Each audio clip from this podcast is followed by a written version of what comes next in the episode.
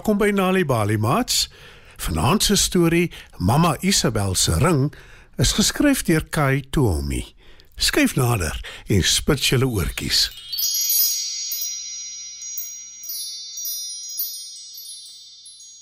Mats, het julle al agtergekom dat mense partykeer dinge van ander mense dink en oor hulle sê net oor hoe hulle lyk?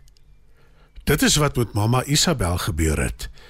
Die meeste mense wat haar teekom, dink sy is 'n heks. En hoekom is dit? Omdat sy altyd net swart klere dra en krale en vere in haar hare sit.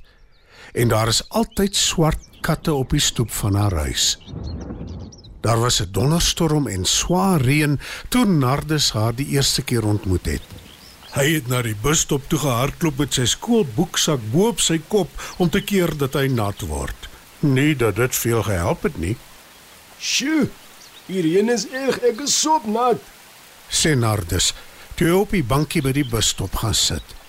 En dis eers toe dat hy agterkom, hy is nie alleen nie. Hy sien daar sit iemand langs hom. Dis 'n ouer vrou. Sy dra swart klere en stewels. Haar hare is lank en spierwit en is vasgebind met 'n string krale met vere tussendeur gevleg. Hallo, ek is Mamma Isabel. Groet die vrou vriendelik. Nardus haal diep asem. Hy praat nie gewoonlik met vreemdelinge nie. Hy kyk skrams na die vrou en besluit daar en dan sy is 'n heks. Hallo, my naam is Nardus. Antwoord hy versigtig. Mamma Isabel steek haar hand uit om syne te skud. Maar net toe hy sy hand uitsteek, stamp hy per ongeluk die vrou se groot swart sak wat langs haar op die bankie is af. Ek is so jammer. sê Nardus en kyk skrikkerig na die vrou.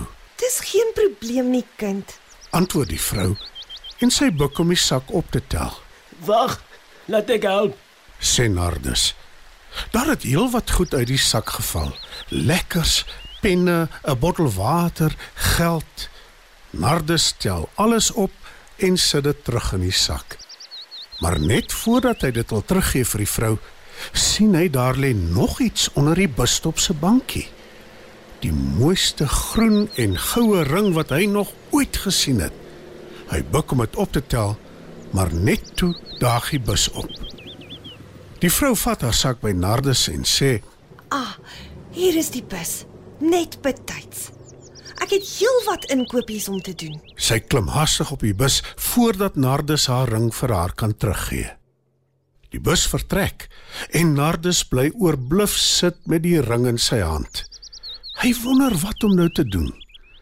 Toe dink hy 'n oomblik na en op die ingewing van die oomblik sit hy die ring aan sy vinger.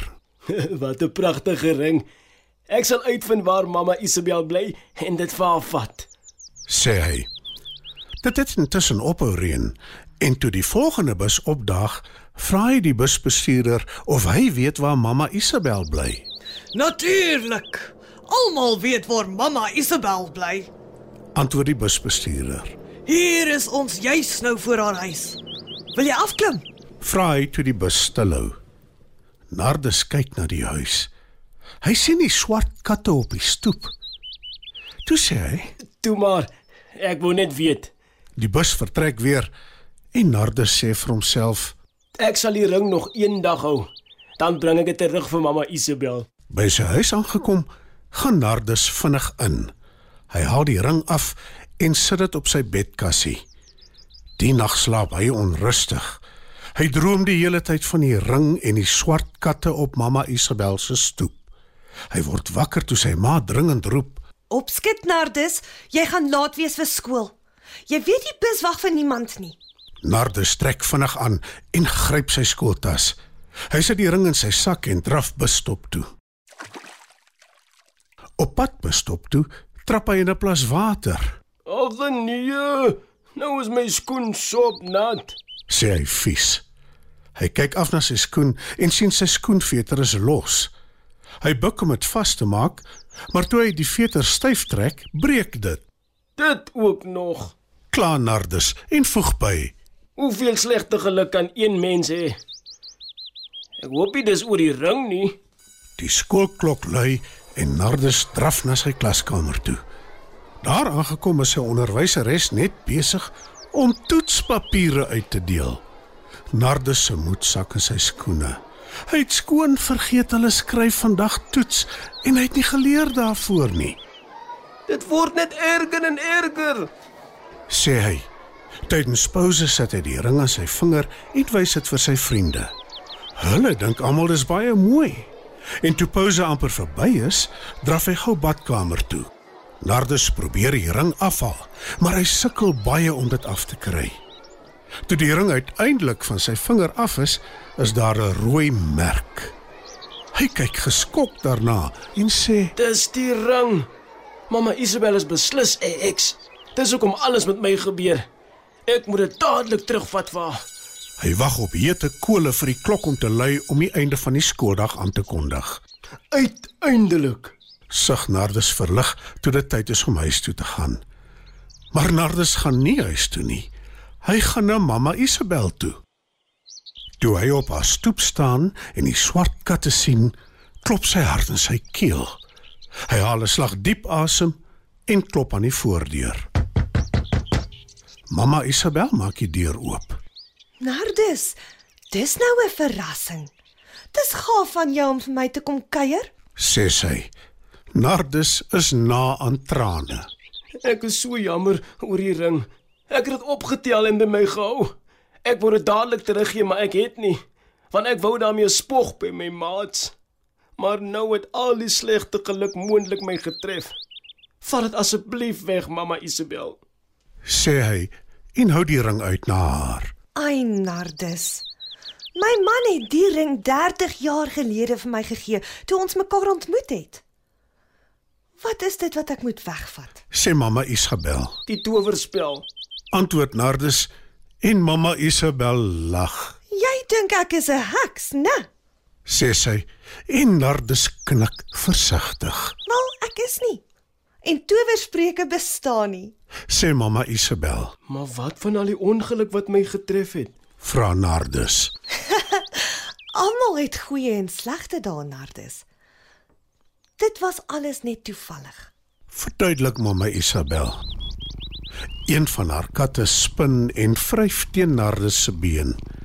Hy lag en sê: Ek was eers bietjie bang vir die katte, ook maar nie meer nie. Katte is die liefste diere ooit. Antwoord mamma Isabel.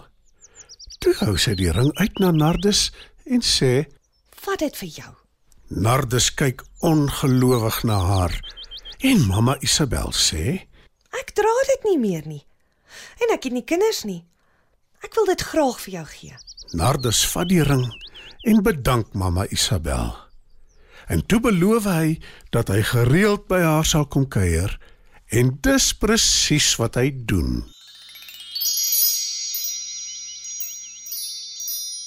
Dit was dan nog 'n Nali Bali storie. Mamma Isabel se ring is geskryf deur Kai Tomi. Die storie is aangebied deur die Nali Bali leesvergenotveldtog in samewerking met SABC Education. Sjoe, mamma, ek het nog nooit so baie boeke saamgesien nie. Mag ons enige boekies wat ons wil? Ja, seun. Openbare biblioteke leen boeke uit en die beste van alles is enigiemand kan by 'n biblioteek aansluit. Alle volwassenes kan 'n voorbeeld stel vir kinders deur hulle plaaslike openbare biblioteek te besoek saam met hulle kinders. Vind uit hoe Nali Bali jou kan ondersteun deur jou eie leesklub te stig by www.nalibali.org/reading club. Nali Bali. Dit begin met 'n storie.